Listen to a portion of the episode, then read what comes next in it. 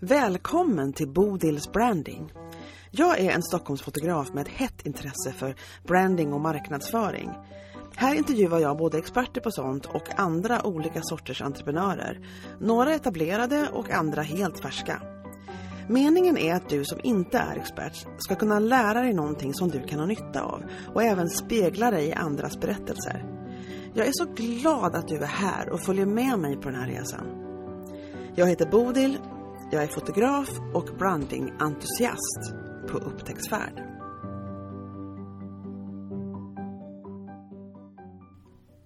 Idag så fick jag starta andra säsongens intervjuer med att bli riktigt sådär omruskad och inte alls ha det sådär planlagt perfekt med allting på plats som jag i och för sig inte egentligen har så ofta i livet men mer än, mer än förr i alla fall.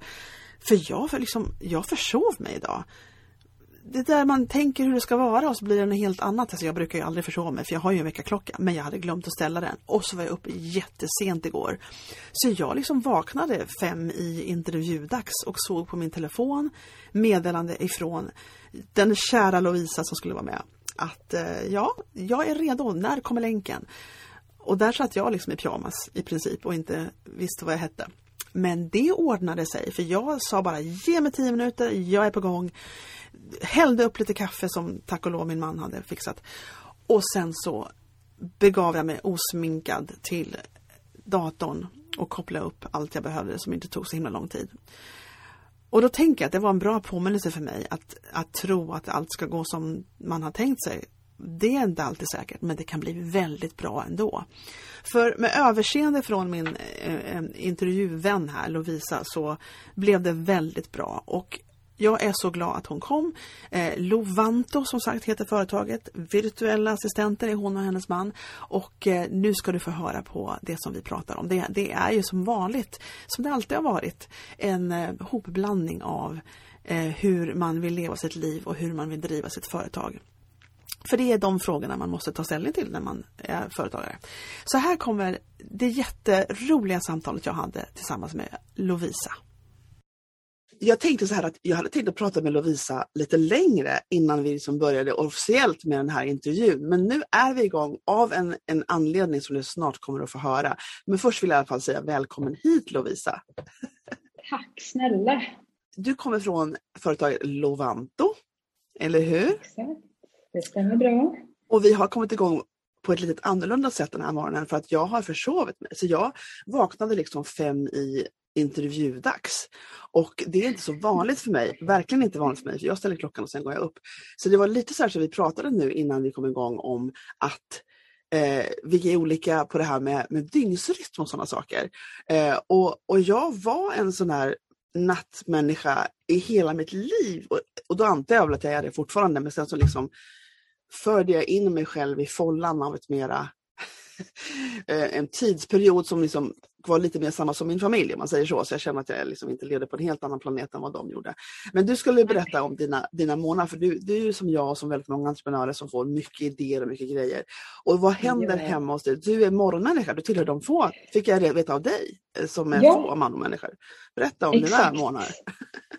Jag är eh, en riktig morgonmänniska och det märker jag framförallt för att jag får massor av snilleblixtar och idéer och tankar på morgonen och gärna vill dela dem med min stackars sambo Anton som inte är lika mycket morgonmänniska som jag. Eh, och han känner ju spontant att det här eh, kan ju du ta kanske efter frukost helst. Eh, Aha, för, är det, så här, det är lite mig... tungt kanske. Ge mig mitt kaffe höra. först, är det, är det det han känner att han behöver? Eller? Ja, lite så. Och inte riktigt ja. hänger med kanske i mitt tempo, för jag är ju i mitt esse på morgonen. Mm, eh, jag har ju storslagna planer och jag har ju uppenbarligen haft drömmar och tankar under natten som jag vill dela med mig av på morgonen sen när jag vaknar. Så ja. Sen så är det ju på kvällen då, då börjar ju min hjärna lugna ner sig och vill sova. Så att, eh, och då brukar ju andra vakna igång. Så att, eh, det blir jag lite undrar, tråkigt ibland. Jag undrar om det kan liksom förändras. Jag känner igen det där att jag liksom eller känner igen, ska jag, säga, jag blir trött på kvällen, men det är nog för att jag går upp tidigare nu. Alltså jag hade till och med en period när jag bestämde mig för när jag, liksom, så här var det, jag var lärare i, i 13 år på heltid. Eh, och sen var jag lärare på deltid, ganska hög deltid i tre år till innan jag liksom klev över och blev heltidsfotograf. Jag var deltid typ i tre, ja, ganska liten del fotograf rent tidsmässigt. I huvudet var jag väldigt mycket fotograf men, men jag klev över i alla fall. Och då, så, och då var jag så jättevan att gå upp tidigt i alla dessa år. Liksom. Eh, och, och, så första perioden sov jag väldigt mycket och sen så kunde jag liksom, ska man säga, omfamna det här med att vara uppe på nätterna. För jag jobbade innan jag var lärare, jobbade jag nämligen som musiker och var uppe på nätterna jämt. Eh, och då är det så här att jag insåg att min familj går och lägger sig när jag kommer igång. Sådär, som du mm. beskriver. Sådär 9-10 på kvällen och jag kunde bara jobba. Och det var helt normalt för mig att hålla på till två på morgonen, sådär, kanske mer till och med. Eh, mm. Och sen så går de upp och då ligger jag och sover. Sådär. Och så var det liksom ett tag. Och då kände jag ett tag, nej, Alltså, det, vi ser, alltså vi, klart vi ses men det, det kändes som jag levde liksom på en annan, i en annan, eh, vilket jag gjorde ju egentligen, en annan tidsrymd. Och det kändes lite så här osällskapligt. så jag ja. försökte liksom eh, gå in i deras. Och då läste jag en bok, har du hört om den här The Miracle Morning? Den har några år på nacken. Har du hört talas om den? Jag kommer inte ihåg vad han heter. Nej, det har jag inte. Men den är okay. intressant för, för mig. ja, jag ska ta fram, jag får lägga länken i texten sen för jag kommer inte ihåg vad han heter nu. Men han är väldigt känd sån här inspirationstalare, skrivit många böcker och sådana saker. Och han var en, en ung man som var en väldigt framgångsrik inom liksom näringslivet, tror jag det var nu spekulerar jag men han mm. var i alla fall, han jobbade liksom. Han hade företag tror jag, det hade han, han drev företag. Eller ja, gud vad jag spekulerar just nu, men någonting åt det här hållet. Och då så kände han att han liksom inte det gick inte framåt så som han ville med tanke på den liksom kraft och energi han la in i det. Så han kände att det är något som inte stämmer här. Så tror jag han blev sjuk också. Och så kände han så här att han, han måste ha tid även för personlig utveckling. Att det var någonting som han insåg att det här är det som fattas. Jag, har liksom, jag kör bara på. Det, han mötte väl människor, antar jag, som, som pratar om det här med honom. Och då tänkte han, jag har inte tid att göra någonting mer än det jag gör. Han hade inte tid, han jobbade så hårt med det han höll på med. Och då så insåg han att jag måste gå upp tidigare på morgonen, det är där jag har min tid som jag liksom inte använder. Så han mm. började liksom gå upp och klockan fem, tror jag det var, minst. Och eh, tog den tiden för sig själv. Han tog liksom minst en timme, han mediterade, han läste liksom personliga utvecklingsböcker, sådana här saker. Eh, och och liksom tog den tiden för sig själv. Inte jobbade då utan han liksom, för egen personlig utveckling. Han gjorde det på sitt sätt då, som var vad jag förstår plöja igenom mycket böcker och gå kurser och sådana saker. Och då lossnade någonting för honom och så började han um, undervisa, om man säger, om mycket kurser i det här och, och har förstås gjort pengar på hela den idén. Och han kallar det för The Miracle Morning. Mm. Och, och då när jag snubblade på den så tänkte jag, jag ska, fan, jag ska testa. och du vet, så det gjorde jag. Och det var jättebra. Ja. Det var ganska, jag var ganska överväldigad. Och jag liksom kände att jag inte hade tid och det var mycket och, och jag var för billig så jag hade alldeles för mycket kunder och, och sådana saker. Och då var det så att jag gick upp klockan fem. Jag laddade ner Calm-appen och mediterade, vilket jag aldrig gjort i mitt liv förut. Och sen så gjorde jag något annat, men sen började jag jobba. Men då, då hade jag till liksom, åtta hade jag liksom, var jag igång och hade gjort ett par timmars jobb. För mig var det mm. fantastiskt, men sen, sen är det inte likadant längre. Berätta hur du gör din morgon, eller vad du tänker om allt det här.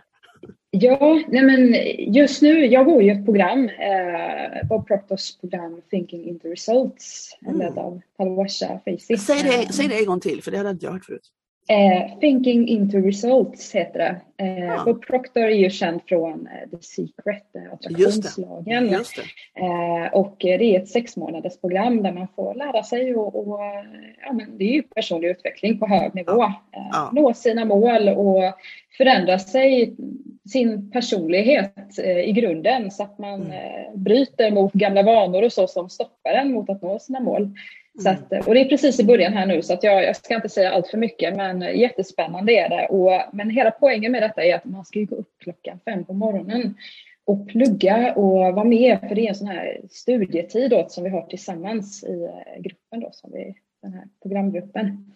Uh, och uh, jag som kräver, jag behöver ju ganska mycket sömn.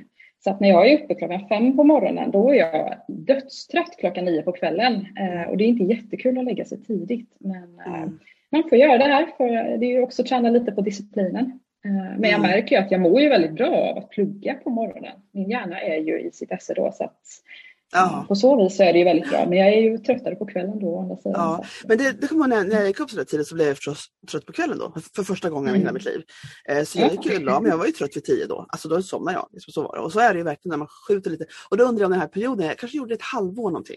Och sen så vet jag inte mm. riktigt varför jag slutade med det. Men, men sen så, men det, det ändå skiftade någonting i mig så att jag mera liksom gick upp. Jag säger inte det här, jag tycker inte det här är liksom ett självändamål för man har olika dygnsrytmer liksom. Men, men, eh, men det var ändå någonting som skiftade lite i mig. Så jag känner nu att jag gärna, jag, jag, jag, om jag har ett jobb att göra på datorn, till redigera eller fixa någonting, då gör jag det hellre på, på förmiddagen eller på, än på sent på kvällen, vilket inte var fallet mm. förut. Så någonting har skiftat. Jag tror att min fokus och, och um, det har någonting har hänt. Jag har förändrats lite grann. Jag är inte fullt så utpräglad nattmänniska som jag var förut, utom igår när jag jobbade på eh, länge. Eh, men vad mm. spännande, så du har börjat med det här programmet. Varför fick du, vad kände du att du ville göra? Hur kom det sig att man börjar det programmet? Eller du började det programmet? Ja, eh, någonstans så i den här företagsresan som eh, jag och Anton har gjort.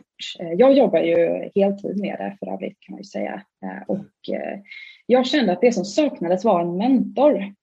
Eh, för man kan lära sig, man kan utbilda sig, man kan få erfarenhet men har insett någonstans att eh, utan en mentor så kommer det ta väldigt lång tid innan man når sina mål. Och mm. jag är en person som gärna vill se resultat snabbt. Eh, mm. Har inte så mycket tålamod där utan jag vill gärna att det ska hända saker varje dag. Eh, och, eh, du menar när, du säger hända, när du säger hända saker, mm. menar du att du vill mm. se en, en, eh, mm, en rörelse framåt mot målen? Är det det du menar med hända saker? Ja. Exakt. Eh, och det behöver inte vara stora förändringar utan se att, eh, att man går framåt mot sitt mål lite, lite varje dag. Eh, då känner jag mig motiverad och glad och stolt över mig själv. Så, och, och jag har ju känt att man, man vet inte riktigt vad det är som är det rätta. Vad är den rätta vägen framåt? Och det tror jag att alla egenföretagare känner igen sig i som kanske inte har en mentor som visar den exakta vägen. Ehm, och, och då kände jag att det här är precis rätt steg i, i den resa som vi är i nu. Uh, och ha en mentor. Och det handlar ju mycket om det man har inom sig i sitt huvud. Uh, mycket spärrar och sånt där. Och Palwasha har ju gjort eh, den resan som, som jag eller vi vill göra. Eh, där hon, hon har ju drivit företag länge men det var ju någonstans när hon kom i kontakt med Bob Proctor som hon eh, kunde göra verklig skillnad i sitt företag. Mm. jag har och, träffat henne på en mm. retreat på en, i, någonstans utanför Stockholm, Palwasha. Okay. och hon ja, väldigt imponerande kvinna. Faktiskt, verkligen, verkligen. Och det, hon berättar sin historia bakåt också från där hon kommer ifrån, hennes familj och hur det var. Eller hur? Det har hon gjort på era möten och sådana saker? Ja, eh, nej men jag vet lite grann. Vi ska faktiskt ja. ha vårt första möte med henne snart. Men eh, mm. eh, det, jag har ju varit på en hel del av hennes eh, masterclasses och sådär mm. där hon har berättat delvis. Men jag har inte fått hela historien. Men hon kommer ju från eh, en lite tuffare uppväxt och mm. har väldigt många syskon och har alltid mm. varit en prestationsprinsessa. Mm. Eh, och eh, trott att bara kämpar man tillräckligt hårt mm. eh, så kommer man att komma framåt. Men det behöver inte vara så. Man behöver kanske inte alltid kämpa och slita ihjäl sig. Och hon gick ju in i väggen också. Eh, mm. Man behöver kanske inte ta den vägen till att lyckas med sitt företag utan det kanske finns en annan, ett annat sätt Mm. Eh, och det är det som hon lär ut här då. Men vad spännande, jag tycker det är så intressant mm. att du säger så här att, att, det, att jag, du kände dig frustrerad antar jag lite grann över att du liksom inte såg den, eller du var orolig över att du inte tog rätt väg. Att du, du pratade om mm. den rätta vägen och du ville att någon skulle visa den rätta vägen. Vad var det som fick dig att mm. tro, vad var det som fick dig att Ja, i och för sig, det var väl din, din, ditt driv då, att du ville fort, fort framåt. och inte på den fel precis. vägen, utan på den rätta vägen. Men jag, mm. jag, uppskattar, jag tänker bara liksom att det kanske finns flera, vä flera vägar framåt. Var, det inte, var det någon, någon slags rädsla att gå fel för länge som fick dig att liksom söka dig till det här, eller hur? Um, ja, kanske. Um, jag är ju lite otålig på så vis. Mm. Och, och det är väl någonstans, går man på fel väg utan att man känner till det, Eh, då kommer man ju gå på den vägen hur länge som helst. Sen är det klart att man alltid ska utgå från sin magkänsla. Känns det här bra? Eh, men till skillnad från en vanlig anställning där man till exempel har en chef som visar och bedömer en och ger en eh, jag menar, ett betyg på ens arbetsinsats så är man egen så har man ju ingen som kan, mm. kika vad man gör och okay. rätta ja, jag in. Förstår. Jag tänker mm. väldigt mycket på att vi är lite olika där men jag tror att jag men, men det, jag tycker det är jätteintressant och helt logiskt hur du tänker. Att du liksom, nej, nu måste jag liksom gå till någon. Och det är jättemånga som pratar om det, sådana som jag följer. Eh, att, liksom, att ha en coach är jätteviktigt. Och att, och vilket jag i princip måste tänka efter nu, har jag haft det? Nej, jag har inte organiserat, har jag inte haft det. Men däremot har jag följt väldigt många, och, så, och både podcaster och jag, jag, jag lyssnar mycket till andras upplevelser och andras kunskap väldigt mycket. Men jag har inte mm. en specifik coach. Och och då tänker jag att man, och det kanske är jättebra, det kanske blir en sån som du säger, liksom lite, lite så här fast lane express möjlighet att gå framåt om man Ja, intressant. Jag, bara, mm. jag, jag, tänker på, för jag, när jag började fotografera så, så signade jag upp mig på en, en vad ska man säga, det var egentligen en av de första, en av de första online-kursplattformarna som det finns mm. jättemycket mm. nu. Eh, men då fanns det typ en som hette, hette någonting som jag inte kommer ihåg. Gud, mitt minne idag är helt borta. Jag tror det ligger kvar i sängen. Eh, men, men den andra hette, hette Creative Live. Och då var det onlinekurser som de dels gjorde för människor i ett rum, de fanns i Seattle. Eh, dels människor i ett rum och sen så var det även så att, och då strömmades den live så kunde man titta på den gratis. Vill man ha kvar kursen så köpte man den. Liksom så var det. Och den, där köpte jag jättemycket kurser om just personlig utveckling och företagande. Att driva ett företag. Liksom. Mm. Och inte så mycket fotokurser utan det var liksom lite förbi för mig då men jag lärde mig liksom det här med tankarna att driva ett, ett, ett framgångsrikt, om man säger finansiellt framgångsrikt företag. Eh, och mycket andra saker. Jag köpte kurser som föll mig in. Och, och, jag tänker på det där att, att man kan på olika sätt, men man måste liksom, det är som du säger, man kan inte bara vara i sin egen hjärna, man måste få input utifrån på något sätt inom en väg man mm. går. Sen så har man ju sin personlighet med sig som kommer att vara det som gör att man får en personlig touch på det. För du Lovisa är ju inte, liksom, du är inte 15, liksom. du har ju varit med om saker. Du har ju liksom en, er, en livserfarenhet som kommer liksom bidra till att skapa ditt företag och ditt, ditt ditt varumärke kan man nästan kalla det för då, om man ska prata i de termerna, eller hur? Exakt. Eller kände du så här jättevilsen? Visst är det så att du har, du har din egen liksom, grej som är mycket värt? Ja, absolut. Man har ju erfarenheter och eh, ja, men självklart, man bygger ju kunskaper och erfarenheter och jag har två högskoleutbildningar och det, det är klart att man inte är ett blankt blad. Mm. Men jag tror att det finns två vägar. Antingen så väljer man att eh, gå ut i den här djungeln själv eh, och ta sig fram och hitta sina egna sätt och lyckas. Och, och det, det, kan ju vara att man faller på väldigt många nitar. Man gör väldigt mycket misstag och det kanske tar ganska många år innan man har lärt sig allting som kanske en mentor hade kunnat eh, lära dig. Eh, eller så väljer man att satsa och investera i en mentor som mm. mm. visar vägen, i alla fall deras väg så som de gjorde. Eh, för de kanske har gjort samma resa. Så det mm. blir ju lite, en lite snabbare väg eh, och eh, jag tror ju någonstans att för en otålig människa som jag själv så, så är det rätt väg att gå. Men för en som väldigt, väldigt gärna vill göra de här, alla de här tusentals misstagen och verkligen vill göra det helt själv då mm. självklart ska man kunna göra det. Eh, mm. Så man väljer helt själv vilken väg man vill gå där. Ju. Ja, det är intressant. Vi ska ta, nu kommer jag att säga i introt vad du håller på med, så du kommer vara helt lost här, för jag snackar om så mycket annat mm. nu än, än ditt företag egentligen. För det, man kommer in på det man kommer in på, det så är det. Men allt hör ihop med, det som jag brukar säga, att, att driva företag är som att driva ett liv och det, allt, allt hänger ihop, liksom. det är invävt i varandra. Hur man skapar sitt liv och sitt företag, tycker jag. Men, men om du berättar om, för du så länge, hur länge har du haft ditt företag nu Lisa? Vi startade upp i somras, eh, mm. i augusti. Sen sa jag upp mig från min anställning och har jobbat heltid med detta då från eh, oktober och framåt. Mm. Mm. Så att vi är fortfarande relativt nystartade. Eh, men eh, vi är väldigt målinriktade och det har ju gått framåt. Mm. Och vi jobbar ju, vi specialiserar oss mot coacher framför allt. Eh, och vi tycker det här är en jättespännande målgrupp. Tycker mm. det är otroligt kul att jobba tillsammans med coacher mm. som är mm. lika drivna av utveckling som vi själva är och, och väldigt relationsinriktade också. Och du säger vi, för du gör, här, du gör det här tillsammans med din man. Precis, min sambo Anton eh, driver detta tillsammans med mig idag. Mm. Och, och där kände vi också att eh, har man den här, det här bollplanket, eh, man behöver ju någonstans ha det eh, när man driver företag. Någon i alla fall man kan bolla med och det är inte alltid så himla lätt när man är själv och kanske måste bolla med en familjemedlem eller en kompis eller så. De kommer inte riktigt att fatta eh, när man ska försöka bolla företagsproblem Nej. med dem. Absolut inte. Eh, och, och därav att vi kände, vi hade ju en gemensamt, en gemensam mål och en gemensam dröm eh, och valde därför att starta tillsammans. Mm. Eh, och det känns ju fantastiskt bra idag att vi tog det beslutet. Eh. Alltså det förstår jag, att verkligen ha samma intresse och samma, leva i samma, det här låter konstigt, leva i samma värld som sin partner, vilket man gör annars också. Men, jag, men för mig spelar det så stor roll, min man är inte inblandad i mitt företag överhuvudtaget. Liksom. Eh, men han tar gärna emot ifall jag måste ventilera någonting, då lyssnar han gärna. Men, men liksom, eh, överhuvudtaget tror jag det här med att prata om sitt företag med människor som inte driver företag, det blir en annan sorts konversation om man säger så. Det kan finnas ett mm. intresse och det kan finnas en, en kärlek om det är någon som bryr sig om en och sådär. Men det finns man är inte inne i samma verklighet ju, med sådana som inte driver ett företag. Mm. mm. Det blir liksom... Alltså, det, vad, vad, säger, vad, tycker du? Jag tror att det måste vara fördelen verkligen. Jag, för jag skaffar mig nätverk och andra företagskompisar. Det är där jag liksom kan hålla på.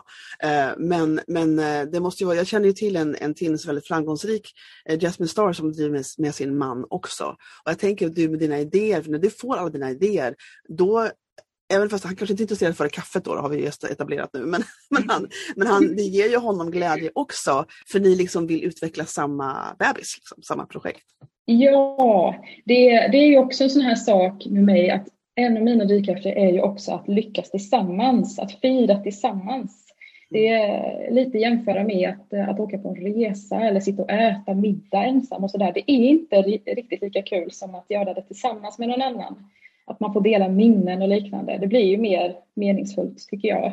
Mm. Ehm, så bara den aspekten är jättehärlig. Ehm, mm. Och, och, just att man hela tiden, eh, ja men det kan ju vara att man har en tanke som man vill förverkliga och att den tanken är superbra.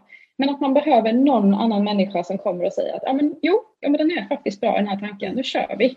Eh, och bara få den bekräftelsen. Det är klart att man ska lita på sin egna känsla men det kan vara skönt ibland också att bolla det med någon annan människa ja. på denna planet ja. innan man kanske ja. kör all in. Mm. Absolut, jag förstår det. absolut. Berätta mer hur, nu har ni hållit igång officiellt om man säger det, för tankarna har ju funnits och jobbet inför har ju varit längre än, än sedan oktober, sedan, sedan sommaren. Mm. Så berätta, mm. berätta lite om hur första tiden var, hur tankarna gick kring liksom, hur ni ska bygga det här företaget. Hur tänkte du sådär i början? Vilket du, alltså mm. ännu mer i början än vad det är nu. ja, eh, ja, men någonstans så, vi ville ju starta företag eh, och drivkraften där var ju frihet framför allt. Mm. Eh, att kunna vara, vara någonstans man vill på planeten och jobba. Mm. Eh, vill jag jobba från Spanien till exempel ska jag kunna göra det. Och också styra över sin egna tid. Um, och det är ju inte jättemånga olika jobb där man kan göra det.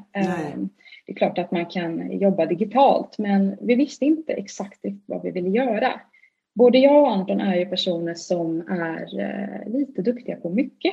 Vi är ja. inte specialister.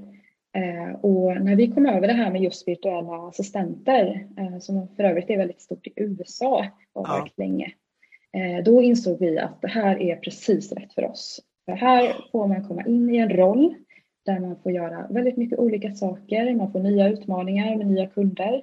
Eh, vi kan dessutom jobba helt på distans och de mm. timmarna som vi själva vill. Eh, så det, det bockade i alla bockar. Mm. Och, mm. och det är vi ju jätteglada för idag att vi, vi valde den banan. För det är klart att det finns massor man kan jobba digitalt idag. Det går att starta olika typer av webbutiker mm. och man kan eh, ja, jobba som grafisk designer och mm. eh, det finns allt möjligt. Eh, men just virtuell assistans kände vi det var, det var något där vi fick för allt det som vi hur upptäckte, på. Sorry, hur upptäckte ni eh, att den yrkesgruppen fanns överhuvudtaget? Ja men det är ju sociala medier. Ja. Jag var inne varje dag och tittade och sökte inspiration och man var inne på reels och tittade på olika eh, amerikanska profiler som eh, har lyckats eh, redan i ung ålder eh, mm. med att starta en business online. Och det har ju någonstans växt från pandemin har jag märkt. Mm. Eh, det har kommit allt mer, man har sett att det går att att göra ett jobb helt på distans. Det går att mm. ta hjälp av människor mm. runt om över hela världen för att få någonting utfört. Yes. Och det är ju även en hel del företag, eh, de flesta företag har ju mm. fått ställa om och ja, men be sina anställda att göra saker på distans och ha digitala möten och utföra mm. sina vanliga arbetsuppgifter digitalt.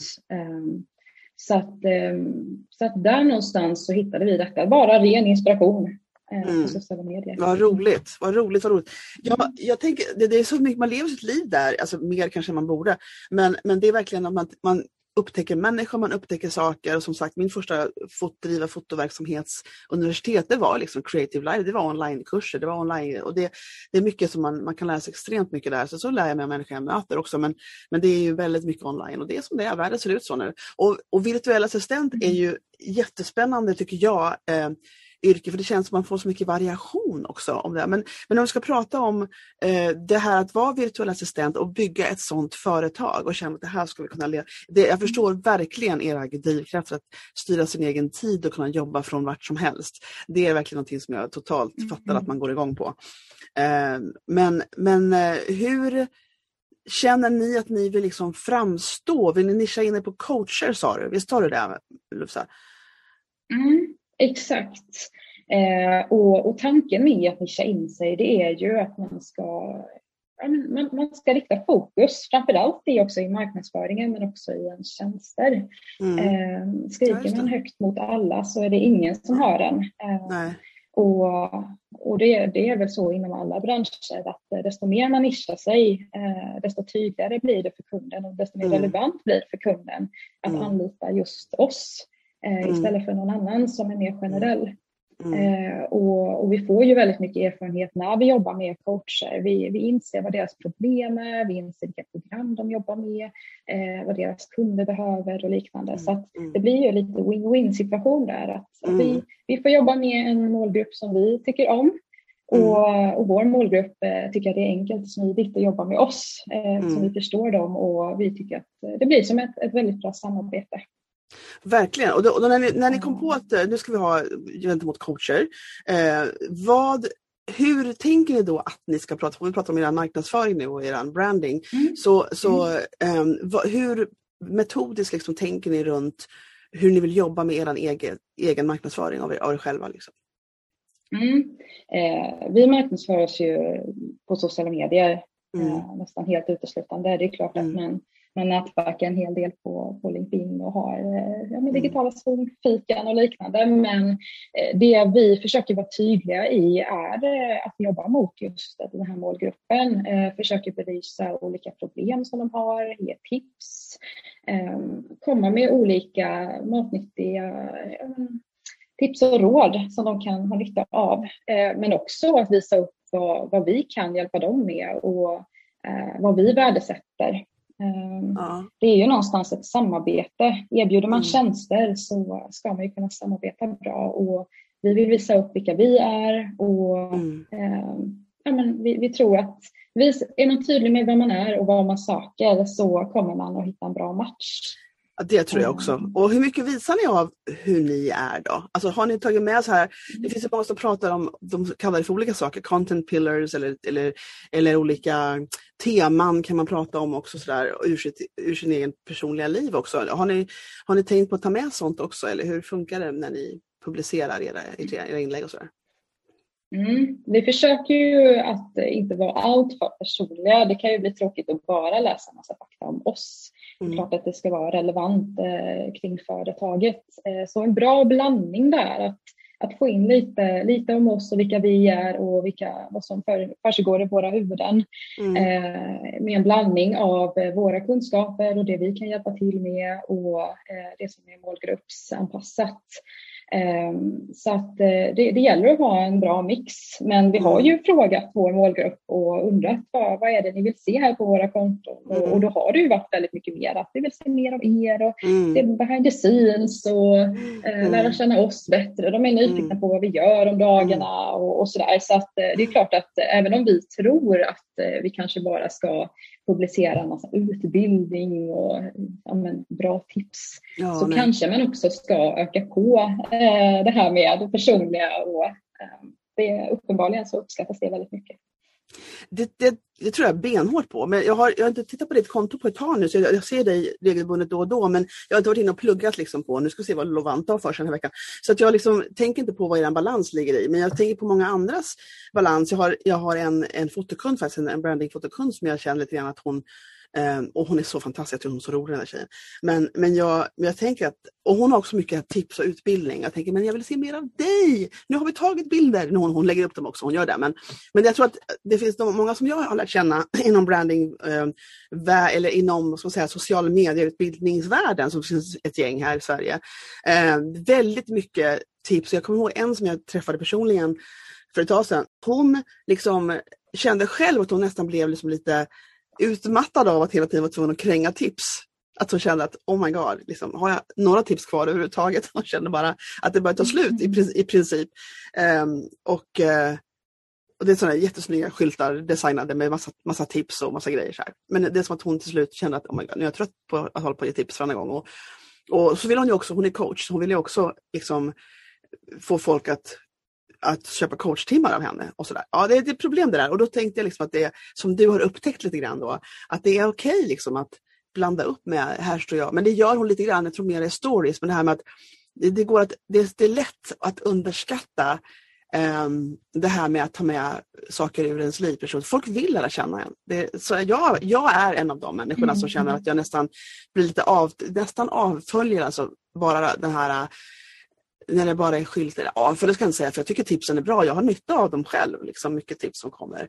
Men jag känner att jag eh, längtar lite efter människan och säger, men vad gör du? Vad, tycker du om kaffe med mjölk eller inte? Alltså det, det, det är så på en lustig mm. nivå så blir man liksom sugen på bara att veta mer om människor. Så har du ju upptäckt själv också. Men känner inte du mm. så när du följer andra konton? Och sådär?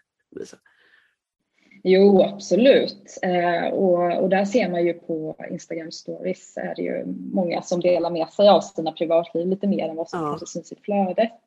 Eh, och vi behöver bli bättre på det. Ja. Eh, jag är inte jättevan vid att dela mitt privata liv så, men jag inser ju att det är ju det som eh, folk gillar och ja. precis som att man arbetar med en kollega och vill lära känna den ja. när man är anställd så ska man ju som, som företagare visa upp vem är jag och vad är viktigt för mig och hur har jag mitt liv och mm. men dricker jag kaffe mm. i mjölken? Ja, gör det?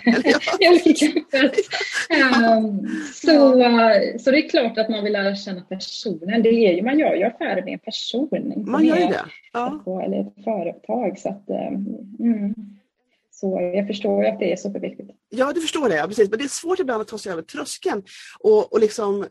Um, och så lite grann så har flera uttryckt, och det förstår jag mycket väl, att det kan vara svårt att veta, jaha men vad är privat då? Vad, är, vad vill jag inte liksom dela? Vad vill jag dela? Och, och hur ska jag liksom lägga upp det här med att visa min min personliga varumärke lite mera.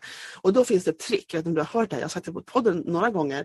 Och det är det här liksom att jag följer en amerikan och där kan man ta, det är så stort land så de tar mycket sådana här inrikesflyg. För oss är det motsvarande kanske länsbussarna som går över Sverige. Eh, när man sitter bredvid en främling lite längre än bara liksom, lokaltrafiken. Sådär. Och då säger hon, det som jag kan tänka mig att berätta för den, den som sitter bredvid mig i planet, som hon uttrycker det, det kan jag också berätta på sociala medier. Men det som jag inte vill berätta för främlingen som sitter bredvid mig i planet. Det berättar jag inte på sociala medier. Så liksom det, är där hon, mm, det är så exakt. hon lägger upp det. Ja. Och då finns det vissa saker som, om man sitter bredvid en människa i fyra timmar så kan man inte ignorera den här människan hur länge som helst. Liksom. Utan då måste man liksom någonstans börja berätta lite om sig själv. Och, och det där, så har hon lagt upp det. Och jag tycker det är väldigt bra för det finns en naturlig, om man tänker efter på den, på den, den situationen, så finns det liksom en naturlig uppdelning av vad jag inte berättar och vad jag berättar. Mm. Eh, och det där kan man ju undersöka och sen skriva upp och så kan man köra på dem. Och hon, hon har tagit med vissa grejer och hon berättar, hon har en podcast och har berättat eh, mera, till exempel in, inför nyår så sa hon, det fanns några historier som jag inte tog upp eh, på sociala medier, men nu ska jag berätta. Det var ett par, tre, hon adopterade en, en dotter till exempel och så gick den adoptionen igenom. Det tog hon på det här sista, sista avsnittet och så var det lite andra hon beskrev. Men, men det behöver man inte ens göra om man inte vill. Så var, och jag själv har, jag tror ju på det här konceptet jättestarkt, för jag jobbar ju med brandingfotografering, vilket innebär att man fotograferar liksom, jättemycket bilder förstås, men det ska vara snyggt också. Men det här att man liksom, man kan faktiskt ta massa bilder när du bara dricker kaffe och man kan ta bilder när du bara går ner för en gata och man kan, sen får du skriva det som hör till det som du vill berätta om. Men mm. jag själv har inte ens kommit fram till exakt vad jag vill berätta. så, det, så det är, jag vet, det är inte, det är inte jättelätt. Liksom. Det är inte jättelätt. Sen tycker jag i och för sig att jag har ett eller jag älskar ju mitt liv, men jag, det, det, är ganska enahanda. Det är i princip företaget hela tiden, nästan. nästan mm. Så man tänker ibland, är det här intressant? Förstår du? ja, men jag tror att man hela tiden frågar sig det. Varför skulle någon vilja kolla på det här eller veta detta? Eh, det här är ju mm. inte intressant. Det är ju för att man själv är van vid det. Men någon mm. annan kanske tycker det är superintressant. Ja. Ehm, och jag är ju egentligen en väldigt öppen person så att fråga någon någonting eh, så svarar jag jättegärna. Men jag har inget eget behov av att uttrycka mig och berätta. Allting bara för min egna skull. Så att, ehm, så att där är det ju en svår balans. Eh, men det gäller ju att fråga sina följare? Vad är det de ja, det, det har jag aldrig gjort och det tycker jag är jättebra tips för det är många som säger det. Fråga, lägg ut en enkät, liksom, låt folk säga. Liksom. Mm. Eh, men jag hade ju ett samtal med, eller jag hade en, en fotografering med en kvinna som, som lyssnar på min podd. Varje, ja, hon säger, lyssnar jag på den samma dag, det gör hon nästan alltid, hon lyssnar på morgonen när hon tränar. Eh, men missar jag den dagen, då kan det hända att jag missar det samtalet totalt. Men hon lyssnade på nästan alla samtal i hela podden. Och, och, då var det ett samtal där hon sa, du uttryckte, för att prata med en annan, var, hon råkade, vilket inte jag visste om, hon, var, hon hade även jobbat som fotograf. Och då snöade den här kvinnan och jag in lite på det här med fotograferings, eller fotograflivet om man säger så.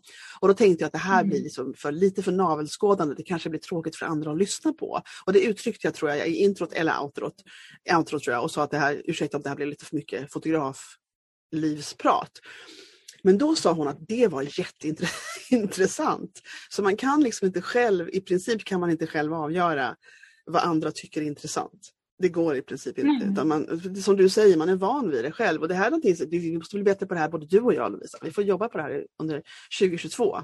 Att eh, kanske mer organiserat tänka det här och det här, det här ska jag faktiskt berätta om nu. Ja, eller hur? Mm, håller med dig. Ja, verkligen. Men okej, okay, så, så nu har ni tänkt att ni ska, eh, vad heter han, Anton det din man? Visst var det så? Precis, Anton ja. Johansson ja. Eh, heter han. Och eh, vad, och, vad ska du berätta, berätta mer om Anton då? Hur är han som företagare? Jo. Hur går det? jo, ja, men eh, Anton han har ju kvar sin anställning fortfarande. Eh, mm. Så han är ju eh, med på deltid och eh, är ju med mycket i de strategiska besluten och stöttar upp på kvällar och helger och sådär. Mm. Eh, och han är, han är väldigt lik mig. Vi är ju ett otroligt lika och det är därför vi samarbetar så bra. Um, och, och, man kan ju tycka att uh, är man väldigt uh, lika så kompletterar man inte varandra. Och det, ja, förvisso kanske det är så. Men å andra sidan så vi litar på varandra så otroligt mycket. Han kan mm. ersätta mig i allt. Um, och, och, där har man ju en styrka, för det är ju som att ha en kopia av sig själv. Um, och, och sen behöver vi uh, ja, men utifrån någon, någon typ av input, så då får vi ju ta det så att säga. Um, men han är en, en snäll, bra människa, en uh, säljare i grunden och um, väldigt driven, precis som jag, mm. precis som mm. utveckling och väldigt relationsinriktad. Mm. Uh, tycker att det är viktigt att uh, ja, sin omgivning mår bra och mm. uh, bygger väldigt starka relationer med, mm. med människor omkring mm. sig. vilket jag tycker är helt fantastiskt. Det är fantastiskt, det är en sån fin egenskap. Jättefint. Och det, det är det mm. precis livet handlar om, att, liksom, alltså, att relationer, och det, och det är det liksom, företagslivet handlar om också. Det är relationer och de människorna som man har omkring sig och de som man möter och att man liksom har något intresse för andra människor. Det finns, jag har träffat dem. människor som går omkring och mm. inte är jätteintresserade av andra människors historier. Jag tänker, what? Är det ens liksom möjligt? Jag vet inte hur, det, hur man lever. Jag vet inte hur, jag kan inte föreställa mig det. Nej. det är intressant med människor. Ja men det är väldigt intressant människor. Så att, har, ni, har, ni, har ni barn? Det har inte jag riktigt fått klart för mig om ni har barn eller inte. Nej, det har Nej. vi inte. Nej, men det, men det kan vara jättepraktiskt när man startar företag, inte barn. det... Ja, men det var väl någonstans där vi kände också att eh, vi, eh, vi drömmer ju om, om hus och en framtid tillsammans och, och någonstans innan den här resan när man ska köpa hus och eh, renovera och, och hela det här eh, mm hela livet framför sig så har man ju chansen då att satsa på sig själv, man har eh, chansen att satsa på ett företag. Och det är självklart man kan satsa på det även med familj och hus men det är ju det, all tid man lägger på, på det här, eh, mm. det gör ju att man också kommer framåt. Och desto mer saker som tar upp ens tid och energi, desto mindre blir det över till, till mm. företaget. Mm. Eh, så ja. vi ville prioritera det här och nu. Ja. Eh, men självklart har vi ju en dröm om, om allt det andra också i framtiden. Ja. Alltså det är helt okej, det här är så intressant. Jag känner jättemånga företagare som har småbarn och som startar igång företag och det hade inte jag. Jag jobbade, jobbade heltid när jag, hade, när jag fick mitt barn. Men jag talade om för att jag fick mitt barn när jag var 41. Så jag fick henne sent. Mm. Liksom. Och um, det gick bra. så det, är liksom, det, det, finns, det är klart att man, man gamlar lite när man väntar, men jag träffade min man väldigt sent. Jag, träffade, jag gifte mig när jag var 35. Och, jag, eh, och sen så bodde vi i USA ett tag, jag ville inte ha barn i USA. Det, var helt, det sa jag till honom redan när vi träffades, typ andra veckan, eller när vi började vara seriösa, vilket gick extremt fort.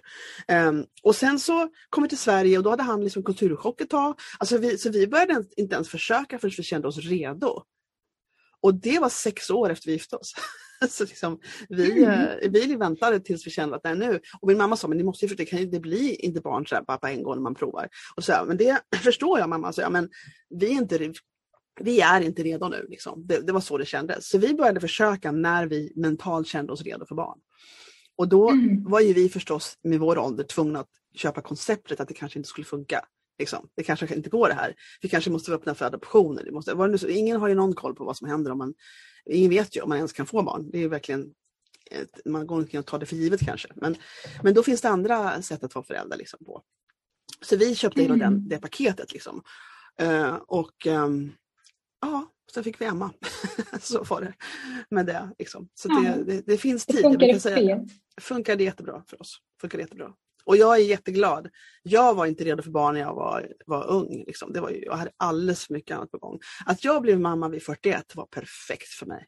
Det var perfekt för mig. Mm. Mm. Mm. Verkligen. Men det är så i Stockholm också, är det lite annorlunda. Folk får bli förälder senare. Liksom, än ute Man, det ja, finns mera, eller hur? Det är ju så. Eh, jag är ju från Stockholm från grunden. Mm. Jag bor ju i Halmstad idag så att eh, man märker ju att här skaffar folk barn betydligt tidigare. Det är säkert ja. eh, uppemot tio år tidigare än eh, ja, i Stockholm. Ja, eh, så att, eh, men det är annorlunda. Man väljer själv. Mm, man väljer själv. Så är det. och ibland så har man inget val. Då, natur, det är ju grejen lite grann. Att när man är så här som du är och din man är, man är driven och man har idéer, man vill framåt och man skapar sin egen verklighet som ni håller på med att göra. Eh, så så tror man liksom, man lever i, det tror jag alla människor gör till viss grad, man lever i illusionen av att man har kontroll över saker och ting. Eh, vilket man i princip inte har för liksom vad som helst kan hända. Men jag tror väldigt mycket på att, att man inte kan gå omkring och hoppas bara på, jag hoppas det här händer, jag hoppas det här. Nej, man måste skapa det som man vill ska hända. Det är någonting som man själv mm. liksom, har makt att, man sätter den bollen i rörelse. Men sen så kan det komma in liksom saker från sidan som man inte har kontroll över. Det finns sjukdom och olyckor och död och kärlek kan drabba en och det finns massa opraktiska saker som kan drabba en. Och då, men då måste man ju hantera det, som, för det är ju livet. Liksom. Eh, men men jag, jag, den här balansen av att, liksom, som, som du nu också är inne på, att verkligen jobba med att hur skapar jag min verklighet? Hur, det här har vi inte pratat någonting om egentligen, det här med the secret. Men, men eh, det är ju ett spännande jag tror på det. Jag tycker jag skapar mitt liv hela tiden. Liksom jag, jag, men, men jag vet också om, jag är också ödmjuk inför att jag har inte kontroll över allting det kommer att hända saker som jag inte har, jag inte har skapat. Men det kan ju också vara att man behövde vara med om det just då. Så det finns, ja det här är ju mm. filosofi vi kommer in på nu Lovisa. Men, men, mm. men eller hur, det är lite grann, vad, vad, är det egentligen som är olyckor och vad är det vad jag behöver ha i mitt liv. Men, men om man tar och tittar på företagsdelen av det hela då, som, om vi försöker hålla oss i det spåret, vilket jag inte mm. bryr mig om om vi gör eller inte, egentligen bryr jag mig inte om. Men, men om, man, om man ska försöka, eh, för jag tänker på de som lyssnar på oss, så, så kan du berätta lite mer om, om varför du överhuvudtaget gått in på det här spåret spåret av i grunden så handlar det om The Secret, Bob Proctor och jag vet att Pavasha också, är, det är hennes mm. liksom, eh, värld. Eh, så vad fick mm. dig att känna att eh, ja, men det här är mitt, min metod, liksom. det här ska jag baka in i min företagsskapande? Mm. Nej, men jag, jag, tror väldigt mycket på att man kan påverka sin, eh, sitt liv eh, och sina tankar. Eh, och jag är väl som många andra, att man börjar med att, läsa eller se någon, eh, något klipp eller någon film som handlar, handlar om attraktionslagen eller The Secret. Mm. Eh, och tänker att ja, men det här verkar ju väldigt smart och bra. Um, och så, ja, så fortsätter livet och det händer inte så mycket mer. Man kanske tänker på det då och då att det här, mm. det här hade ju varit bra. Att det kom saker till mitt liv som jag vill ha om jag bara går och tänker på det. Um, och, och någonstans så, det, det är ju inte bara att eh, läsa och konsumera och sen tro att nu kommer allting som jag vill ha och komma till mig, utan man måste ju ta action också. Mm. Eh, och det är lite därför den här, eh, det här programmet finns då, att man, man ska eh, gå ifrån att bara konsumera och läsa och få massa kunskap till att ta action, faktiskt mm. göra och förändra mm. sitt paradigm då som det, som det mm. kallas eh, ens undermedvetna så att man, eh, man, man trycker in vad, vad, det är man vill ha där i sitt undermedvetna så att alla ens tankar och känslor blir på det sättet som man vill och som sen blir till ens agerande, ens beteende. Mm. Eh, och eh, nej men jag, jag tycker hela konceptet är jättespännande. Det finns egentligen inga, inga begränsningar i vad man kan eh, uppnå. Eh, och, och det är ju det som är eh, lockelsen i det hela. Och det, jag tycker att det är väldigt spännande just med tanken att, att allting inte behöver vara konstant. Att du kan ha ett mål idag eh, med ditt företag till mm. exempel, eh, att du vill någonstans. Och, eh, och sen inser du att när du har kämpat mot ditt mål och du kanske till och med når ditt mål eh, och sen inser du att nu har jag kommit dit jag vill eller jag, jag känner att nej, men nu vill jag ta en annan väg. Nu vill jag testa någonting som, som jag tycker känns bra i magen just nu. Det här verkar mm. pirrigt, spännande. Eh, det här vill jag ha i mitt liv. Ja, men då kan mm. man bara byta bana. Eh, det, det var där någonstans också. Det var också en drivkraft i att våga säga upp sig och våga satsa på företaget. Att mm. ja, men du behöver inte eh, plugga eh, och sen skaffa dig ett jobb och sen ha kvar det jobbet hela ditt liv och så tänka att det här blev mitt liv. Nu får jag bara infinna mig. Mm. Utan du har möjlighet att ändra dig hur många gånger du vill mm. under livet så länge mm. det känns bra i magen. Mm. Eh, och, och, det är det som jag tycker är så fantastiskt och väldigt förlåtande någonstans. Att, mm. Det är okej. Okay. Det är okej okay att äh, ändra sig. Det är okej okay att äh, ja, men, gå en väg och sen äh, vilja byta bana så länge det känns rätt i magen. Ehm, så att ja, jag tycker det, hela konceptet är, är jättehäftigt och Eh, och jag tror att många av oss är begränsade av rädslor mm. och, och, tankar och, och, beteenden som gör att vi, vi stoppas från att nå våra mål. Mm. Eh, så därav att, eh, att jag eh, vill satsa mm. och gå den här kursen och se vart det leder mig och vart det mm. leder Lovanto. Mm. just det, visst verkligen. Hade du känt sådär, var det, var det så du säger att du, gick, du, du blev glad av att känna att man kunde byta bana och att man liksom, bara det kändes rätt i magen. Hade du gått omkring och liksom, i ditt jobb då förut och känt att du längtade lite efter något annat men inte kunde tillåta dig att ta de att byta bana? Alltså var det någonting som var en befrielse för dig sen när du mm. insåg att det var okej? Okay? Eller?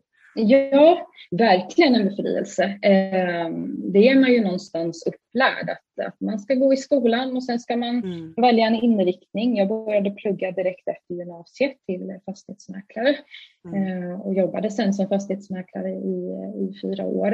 Ehm, och sen bytte jag bana därifrån, började plugga igen och mm. jobbade i, i den nya inriktningen i ytterligare något år.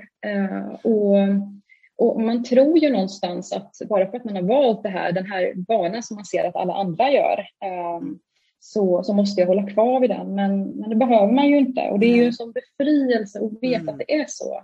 Och det kan ju vara inom andra områden också. Det kan ju mm. vara ja, som jag, jag flyttade till Halmstad. Eh, jag kände att jag vill inte bo i Stockholm utan jag, mm. jag vill ha nära till hav och natur och, och jag vill ha livskvalitet, vilket jag kände att jag fick i Halmstad.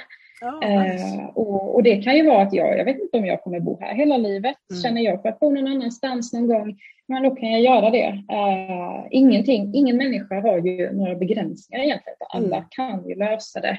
Mm. Eh, men jag tror att står man inför en utmaning eh, och tvingas lösa den utmaningen, då hittar man sätt, då blir man kreativ mm. och hittar sätt till att, att nå dit och lösa mm. problemet eller utmaningen. Um, så att, ehm, och det var ju lite därför också jag valde att säga upp mig så pass mm. tidigt i min mm. företagsresa.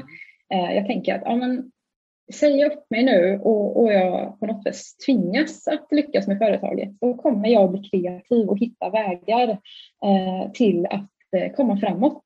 Mm. Och, och, jag är jättetacksam för det idag. Mm. Eh, man utvecklas ju så mycket som person och kommer utanför sin comfort zone rejält om man gör det. Och det tror Verkligen. jag att vi alla behöver. Ja. Eh, det, det, är lite olika hur mycket man går igång på det där med, med att liksom vara, vara obekväm. Jag tror att fler behöver vara lite oftare, helt klart. Men, men jag tror att eh, det är en del Dels är det olika hur man reagerar på en kris, på en, på en, eh, på en stark problemlösningssituation. Ehm, det kan vara olika hur man reagerar på det. En del människor går igång och blir liksom lösningsinriktade som jag inbillar mig nu efter vad du berättar att du är en sån människa. Eh, och en del människor blir lite mera Eh, stänger ner, liksom, blir liksom överväldigade och klarar inte av att se bortom paniken. Liksom. Jag tror, och det här tycker jag, det finns liksom inget för man är som man är. Liksom. Eh, men jag tror att om olika, människor, om olika människor går igång olika mycket på osäkerhet, vilket det är att ha ett företag, för man måste skapa alla möjligheter själv. Eh, och det är upp till en själv. Och en del människor tycker det är skönare att jag har en uppgift, jag gör skillnad med det jobb jag gör, jag tycker om mitt jobb och så får jag min lön den 25. Och, och det, mm. Man är lite olika på det sättet och det är som vi är i världen, att människor är olika vajrade liksom på det. Eh, men det, finns väl, det är väl sorgligt om man egentligen är en entreprenörssjäl. Men det kan man, man kan också utveckla en entreprenörssjäls möjligheter på om man har rätt jobb. Det finns jobb som är väldigt kreativa och som ger mycket flexibilitet och då kan man vara lycklig entreprenör även inom ett sådant jobb. Självklart, alla behöver inte driva mm. egna företag. Ehm, men jag tror att för mig så kändes det som att jag väntade nästan lite för länge innan jag startade mitt företag. Jag skulle ha gjort det från början, alltså när jag började känna att jag blev lite för instängd på mina jobb. Jag var ju lärare i 13 år till exempel. Det var väldigt kreativt i början och sen förändrades skolans system i sitt väsen skulle jag vilja påstå. Så att jag, det passade inte mig det jobbet längre. Eh, och så. Men Ehm, Ehm, men jag vet också om att jag började mitt liv som, ja, jag var i och för sig barnskötare några år, så jag var på dagis och jobbade när jag var väldigt, väldigt ung. Men sen var jag musiker i nio år, så jag var trubadur, jag spelade i band eller sjöng i band och sådana saker. Och det gjorde jag i nio år. Jag hade en agentur och blev bokad och sådär. Um, men sen blev jag trött, då var det en period när jag kände, nej, nu vill jag liksom bara jag vill, det var två saker jag ville ha. Jag ville ha en akademisk examen och lön den 25. Då trängtade jag efter någon slags mera rutin och, och, och, inte ha en osäkerhet med, med pengar och sådana här saker som det var då. Det var ju upp ner. Mm. Um, så det var en period och sen så hade jag, det, hade jag liksom fast jobb i. Jag pluggade och sen hade jag fast jobb i, ja, men i 13 år och sen kände jag nej nu räcker det. Så jag, jag, har bytt, jag har bytt bransch varje decennium kan man säga. Alltså totalt bytt bransch. Och, och nu när jag startade mitt senaste entreprenörs Ja, på pappret har företaget funnits sedan 2010 men jag klev av på heltid 2013. Så var det. Och eh, och jag kommer aldrig, gå till, nu är det förbi, jag kommer aldrig gå tillbaka till en anställning. Det kommer inte att gå. Jag är oanställningsbar nu. Nej, det tror jag inte. det, ja, ja, det känns så i alla fall. Så att, eh, ja, men det, det är intressant. Men, men eh, jag, jag tycker det är så kul med att man finner den här eh, glädjen som du pratar om Lovisa, för det är lite, lite grann som styr. Att man när du säger att ja, men om det här, jag kan byta om någonting känns, för det är så, man, man går igenom olika faser, något som känns väldigt spännande och roligt ett tag kan faktiskt fasa ut lite så småningom och så är det något annat som får en att bli den här lyckokänslan. Och det är så bra att du säger det tycker jag, för det är någonting som jag tycker kan underskattas i hur viktigt det är. Att liksom bejaka det här som får en känna sig lite lycklig sådär och exalterad mm. och att det är någonting som är värt, den vägen och de idéerna är värd att följa. Eh, och det har ju du gjort, jag tycker det är så inspirerande för det är så många som går omkring och bara tragglar på fast de har en längtan liksom efter något annat. Tycker, tror du inte det? Jo, verkligen. Man fastnar så lätt i ekorrhjulet. Mm. Eh, och, och jag tror att jättemånga kan känna igen sig i att eh, varje dag är den andra lik. Mm. Eh, vissa tycker att det är fantastiskt och skönt och tryggt och bra. Och andra tycker att det är dödstråkigt och känner att mm. nu kan jag se hela mitt liv framför sig, exakt hur det kommer bli och jag tycker mm. det känns pest. Och man har ingen motivation och man känner att, att det bara känns allmänt tråkigt och eh, ja, men känslolöst på något vis. Mm. Eh, och där någonstans så behöver man inse att det finns en annan väg. Finns det någon annan människa på den här planeten som du tycker verkar ha ett härligt liv? Eh, vad gör personen? Eh, vad jobbar den med? Eh, ja, men det, det kan ju vara hela dens livsstil. Om den mm. personen har lyckats med det och känner och mår bra i sitt liv, då kan du också göra det. Eh, och det, ja. det, spelar liksom ingen roll var man, var man bor eller vilken uppväxt man har eller något mm. sånt. Vi alla mm. människor har ju möjlighet att kunna påverka våra liv. Eh, och då gäller det att rycka av plåstret mm. ja. eh, när man kan och stoppa det här ekorrhjulet och, och mm. våga. Eh, det värsta som kan hända är att, eh, ja, men att du får gå tillbaks till ditt gamla liv. Ehm, Exakt. Det är som att, det är som att folk, ibland, ja, men folk blir ibland så rädda att ta beslut, att ändra på någonting. Och det är som att folk tänker att allting, alla beslut man tar eller, eller val man gör är liksom oåterkalleliga. Att det är som att nu mm. tar jag det här valet och då kommer jag aldrig kunna gå tillbaka. Ofta så kan man liksom säga, att det här funkar inte, jag tror att jag slutar med det här. Och så går jag tillbaka till det här andra. Det, det är ganska ofta som det är möjligt faktiskt. Det, ingenting är ju ett slutgiltigt beslut om resten av livet. Ja, men det är bara att titta på sitt liv hittills, allt det man har åstadkommit och alla de besluten man har tagit och de förändringar man har gjort i sitt liv. Mm. Det är väldigt sällan man går tillbaka till sitt gamla jag, eh, eller vill gå tillbaka till sitt gamla jag, utan man, man tar sig ändå vidare på något vis. Mm. Man löser problemet, man hittar ett nytt jobb eller mm. en ny mm. partner eller vad det nu än är eh, i livet som gör att man, man kommer vidare och, och man utvecklas som person. Eh, och och tittar man bara tillbaks på sitt liv och inser detta så förstår man ju att vågar jag göra det här beslutet nu för min egna skull? Så kommer jag vara så mycket gladare för det. För annars mm. kommer mitt liv se likadant ut om fem år, om tio år, om 20 år, mm. ja, tills dess mm. att, att jag äh, lämnar planeten. Oh my god, jag kan inte ens, oh, jag får panik när jag säger sådär. Om jag skulle, om jag skulle vara, men, men sån är jag i huvudet och en del är inte som jag i huvudet. Men den här grejen att tänka, för så blev det när jag började tänka, för jag är ju liksom lite åren kommen sådär, så jag började tänka, jaha, vad ska jag göra sen då när jag liksom inte när jag typ, jag i princip får pensionspengar varje alltså vad ska jag, och tänka, jag kan inte hålla på och promenera upp och ner för Drottninggatan här och titta på samma saker varje dag. Jag måste ju liksom ha något, någon plan och det har jag nu så det är, helt, det är väldigt bra. Men, men det här att man, det här att tänka sig att något ska vara samma, det går inte för mig. Alltså det går inte. Och för en del andra människor är det tröst och trygghet. Så vi är, mm. vi är olika där, men de som finner tröst och trygghet i att saker är samma, vilket jag tycker inte är något fel med, det är bara ett, ett liv också. Men de ska inte driva företag. de ska inte vara, vara företagsägare. Och vi, är, vi har bara olika sätt att bli lyckliga på och, och det får vara helt okej. Men jag skulle vilja fråga dig om en sak och det är, eh, för nu när du känner liksom att, vad har, du har ju precis jag säger att du har precis startat, jag förstår att det inte känns så för dig. Men för mig känns det länge sedan jag hade mitt första halvår i företaget. Men jag vet också mycket av hur det var. Och och det är en speciell resa som är skräckblandad förtjusning ska jag vilja påstå. Det är i början när man startar ett företag. Och jag är ju lite i samma resa nu när jag bygger upp min brandingfotoverksamhet för jag har varit fotograf så länge. Men det är en ny mm. gren på mitt företag som har en helt ny målgrupp. Så det är lite grann för mig som att starta ett nytt företag. Eh, men då måste jag undra, vad tycker du har varit det mest, mest över... För det är svårt att föreställa sig när man börjar. Det är som att få barn. Man kan inte förstå hur det är förrän man har barn. Men berätta för mig vad som var den största överraskningen för dig. Det kan både vara positivt och negativt med att driva ditt eget företag på det här sättet som du gör nu? Den största överraskningen var eh, ja, men dels, jag förstod att det skulle vara väldigt mycket att ta hand om, att man skulle ha väldigt många hattar. Eh, mm. men en, en överraskning är hur eh, ja, men hur, hur mycket olika saker man behöver göra. Det är mm. fortfarande en överraskning. Eh, hur mycket saker man behöver ha koll på. Man tror att man bara ska ut och, och, och jobba. Men väldigt stor del går ju åt till allting runt omkring. Det är mm. planering och strategier och man ska marknadsföra sig och man mm. ska eh, bokföringen och det är, ja, men det är väldigt mycket runt omkring och det måste man ju budgetera för också att hinna med.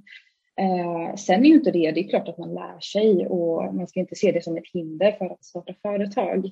Men man ska definitivt budgetera in det och känner man att det här är inte för mig, jag vill inte sköta min egna bokföring, då får man ju lägga bort det helt enkelt. Mm. Så det mm. går ju alltid att lösa. Mm. Eh, sen en annan chock som kom var ju det här med att men, oj, det finns ingen som styr över mig. Eh, ja. Vem är det som ska säga att jag har gjort ett bra jobb? Vem är det som ska säga att, att jag har, ja, men, den här arbetsdagen har varit bra? Um, det ju, finns ju ingen som kan säga det, så man måste ju ge sig själv, man måste sätta egna regler och um, bedömningar så att säga, vad som är en bra dag. När ska jag vara nöjd med mig själv? Mm. Eh, jätteviktigt för ja, men jag har alltid varit en, en ambitiös person och mm. tycker det är jätteviktigt att få någon typ av bekräftelse eller feedback på, på det jag gör. Och, eh, varit duktig i skolan och ja, men, mm. man är ju så van att få från lärarna att få betyg på, på det jobbet man har gjort och så. Mm. Eh, och nu får man inte det. Nu, det, det är klart man får betyg från kunder men mm. någonstans så, ja, men en, en vanlig arbetsdag, vem, vem bestämmer när jag har gjort ett bra jobb? Det är jag själv. Mm. Eh, och hitta ett bra sätt och en balans i, mm. i det. Upplever du det, samma? Ja, det förstår jag precis vad du menar. För jag var ju, som sagt, precis innan jag klev av och blev heltidsfotograf så var jag lärare och det innebär att du ska vara i det här rummet med de här barnen den här tiden. Det fanns ingen flex någonstans utom när man hade planering. Um, och, och det var någonting som var väldigt svårt för mig för jag är lite mer, jag tror du är mycket mer organiserad i huvudet än vad jag är. Um, och det var det här liksom att, att, att nu har jag en block här på två timmar, minst två timmar. Vad ska jag göra på de här två timmarna. Alltså det var som att det var alltid någon som hela tiden, jag hade ett schema. Jag hade ett schema i mitt liv som jag inte kunde gå ifrån förut. Och plötsligt var det liksom öppen prärie liksom, på hur jag skulle jobba. Och för mig var det svårt i början att förstå att eh, det var som att jag sjönk in i någon slags flytande, svårt att liksom, jag hade sån här perioder när jag verkligen åstadkom jättemycket, skapade jättemycket, gjorde grejer. Och sen, men det var ändå svårt för mig att få in det organiserat under dagen och förstå. Och det här är också, nu är vi olika på vilka system som vi funkar bäst i. Eh, men för mig kändes det som någon slags ehm, jag bara flöt runt. Liksom. Jag hade inte, fick inte ordning på när jag skulle vara produktiv och när jag skulle, men, det, tog, men det, det, fick jag sen. Men i början hade jag jättesvårt för det, för det var som extremt, det var som jag slutade liksom cold turkey med att jobba efter ett schema till att bara ha en öppen dag. Eh, sen har man förstås, när man bokar in kunder så är det det ett schema, man måste vara där klockan två och börja fota. Men, men det här, de andra sakerna som inte var upphängda på en tid, det var svårt för mig att få ordning på. Verkligen, det tog ett tag. Det tog ett tag. Um, och jag tror det som du säger, det här med att få liksom, bekräftelse på att man gör ett bra jobb utifrån som man får både i skola och på jobb. Det är också någonting som, som är, eh, nyttigt. Jag förstår, du, du beskriver det så himla bra Lovisa. Eh, att man måste bestämma sig för vad som är en framgångsrik eller produktiv eller en bra dag som du säger. Eh, och det här är någonting som kan man, kan modellera med tiden och jag, jag tycker mycket hänger på att ett företag måste dra in pengar. Vi måste ju liksom få in kunder. Det är ju liksom det är ju den grundläggande beviset på att man har någon slags framgång, att man får in pengar i företaget. Och det får vi aldrig glömma, att företag är inte en hobby utan vi måste ha in cash, liksom. vi måste sälja. Det är en säljsituation hela tiden. Eh, men, men det, och där känner jag så länge som mina kunder är de som jag möter, och dels måste jag få in kunden, alltså någonstans måste det finnas en framgång i en marknadsföring. Så folk hittar den och det finns ju, man måste bara jobba med det, det, finns, man kan inte, det går inte att liksom säga det där är inte jag bra på, det skiter jag i, för då får man inte in kunder. Men det andra är liksom att ett stort bevis är på att mina kunder mår bra. Alltså det är som två mm. delar. Först ska de in och då handlar det om mig och min marknadsföring och hur, hur jag är tydlig och de här sakerna kan man ju lära sig. Och det andra är sen när de kommer till mig, när jag har haft, när de kommer till mig, hur mår de då? Hur, hur, upplever de att vara i ett rum med mig? Hur upplever de det här? Eh, det är också en, en, en, ehm, ett bevis på, man säga, på, ett på att, att man har en, en, viss, en framgång i sitt företag. Att man liksom, och där är det tillbaka till relationer och hur man är med andra människor och hur man, och förstås vilket skillset man har, att de är nöjda med den tjänsten man levererar självklart. Eh, men det är bara en del av det. Det andra är liksom hur mår de? Hur känner de efter de har lämnat mig? Hur blev det? Liksom. Mm. Eh, och det så, så, det är jätte, jätteviktigt och det är någonting som man, så, så det här uh, gensvaret man får av, kund, av sina kunder, det tycker jag, så jag får väldigt mycket, jag får ju bestämma mig för att jag liksom håller på och jobbar på ett sätt som driver mig framåt och det måste man bara bestämma sig för själv när man haft en bra dag eller inte rent produktionsmässigt om man säger. Eh, men det andra det kommer ju från kunderna, det är kunderna det kommer ifrån och de som man liksom har att mm. göra med. Eh, kommer det pengar in, kommer det liksom kunder in, kommer det... Det var en, en som, som eh, kontaktade, jag hade en liten minikampanj innan nyår för jag skulle höja mina priser efter nyår. Och då, då sa jag bara att eh, passa på nu innan jag höjer priserna i princip. Och då fick jag några nya kunder på det och då var det en kvinna som sa att hon har följt mig på Instagram ett tag. Hon har i princip aldrig kommenterat på Instagram någonsin. Jag älskar hennes konto för hon, hon är en smyckesdesigner som gör jätte, jättefina smycken. Eh, hon sa, jag tycker om ditt konto och jag tycker om din energi du vet, jag, är bara, jag, jag, bara gör vad jag gör, jag bara säger det jag säger. Jag bara. Men hon tyckte det, att någonting har gått igenom för att hon känner att nej, jag är intresserad, jag skulle vilja boka henne som fotograf. Och, och, man, och, så det, och då är det ett kvitto för mig att jag gör rätt. Liksom. På något sätt så gör jag rätt ändå i min Precis. marknadsföring. Och det finns alltid utrymme för, jag vill ha en lista på vad jag vill förbättra. Men om man, som du sa i början, så himla insiktsfullt, är liksom att om man är tydlig med vem man är och vad man kan erbjuda, då dras det liksom. Det, och, så, och, så, och så att man visar upp det hela tiden då. Mm. Så blir det som att de drar, de man ska ha dras till en liksom, till slut. Men man måste vara lite tålmodig, det är inte du så bra på Lovisa. att vara tålmodig. Nej, nej, men det är klart att jag, jag är ju tålmodig på, på vissa sätt. Mm. Eh, I och med att jag är väldigt målinriktad så, så har jag ett enormt tålamod till att nå mm. Jag ger ju definitivt ja. inte upp. Eh, och och det, det, handlar ju mer om då att, att inse det här, ja, men, det här maratonet som det mm. är att driva ja. företag. Ja. Och att och orka det... varje dag. Ja, den eh. insikten är så bra för att vet du, det hade jag inte när jag började och det är fler som uttrycker det att de liksom vill att det ska, allt ska hända på första året. Det tar tid och jag är som du, jag är sådär driven och tusen idéer och liksom, alltså, otålig har varit liksom en egenskap jag har fått känna och fått höra av andra att jag är hela mitt liv och insett själv. Men i vissa situationer är jag grymt tålmodig och det är bland annat med företagsbyggande jag är tålmodig, jag håller ut. Liksom. Ser till att till slut mm. kommer det här att rulla och det, jag är övertygad om det. Och, ehm, och det är ju du också. Och det, vet du vad, det är nog en av de bästa egenskaperna du kan ha. Att bara liksom hålla ut och tro på liksom grejen. För det kommer absolut ja. bli väldigt bra. Ja. Det, det, kan jag inte annat än att hålla med om. Jag tror verkligen också på att den som är kvar längst, det är den ja. som, som kommer att lyckas. Eh, det kan man bara titta på alla andra eh, som, som har startat företag, som, eh, men också som har haft andra mål. Att de som misslyckas och fortsätter, misslyckas och fortsätter mm. och till slut lyckas, det är de som, som kommer att nå sina mål. Men det är väldigt lätt att ge upp när det går dåligt. Ja. Man tänker, man börjar ifrågasätta sig själv, vad är det jag gör och mm. vad gör jag för fel, varför lyckas alla andra? Men det är alla andra misslyckas vi alla misslyckas. Eh, och, och det är ju den som misslyckas mest gånger eh, som, som kommer att till slut eh, att lyckas. Ja, det är eh, verkligen trägen jag, jag har hört någonstans att en expert är den som eh, inom ett visst specifikt område har eh, gjort alla misstag. Ja, ja. Då har man blivit expert inom det området. Eh, Exakt, det en hel del om. Ja, precis så är det. Och Thomas Edison som uppfann glödlampan har ju sagt det några gånger att jag har, jag har inte liksom lyckats, jag har misslyckats. Jag, jag har kommit på, jag kommer inte ihåg siffran, jag har kommit på säg, tusen sätt hur man inte gör en glödlampa. Han, liksom hittade, han provade massa olika material nämligen för att få det här att funka. Och eh, efter typ de här, alla dessa misstag som inte funkade alls så kom han på ett som funkade och det var, hans, och det var eh, vägen till framgång för honom och för vår värld kan man tänka som fick elbelysning. Men du, jag tycker det här är ett bra sätt att avsluta det här samtalet på. Fast jag skulle kunna sitta här i typ ett par, tre dagar med dig och prata. Så är det ju ändå en, en bra, tycker jag, slutknorr på ett samtal om företagande. Att liksom, den som håller ut längst och misslyckas och inte är rädd för det, till slut så lyckas man med det man hade tänkt sig. Mm. Det skriver vi under på båda två, du och jag. Men, men då så är det så att, att eh, det kommer förstås en text som hör ihop med det här samtalet och då länkar vi till dig och vi länkar till vad, vi älst, vad mer vi eventuellt nämnde i det här samtalet så folk hittar rätt.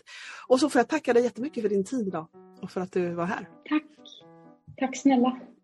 Vi, vi ses och så eh, avslutar vi för våra lyssnare just nu. Hej då!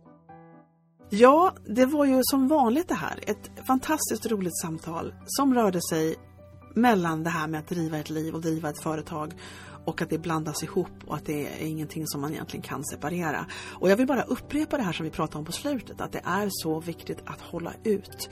Eh, och att ha en kärna som, som kärna för varför man startar företaget, som, som man är passionerad över, som gör att man liksom kan tänka på det när det är extra mörkt. Och, och jag har ju ett citat som jag lever efter och det är att ingen vet tillräckligt mycket om framtiden för att vara pessimist.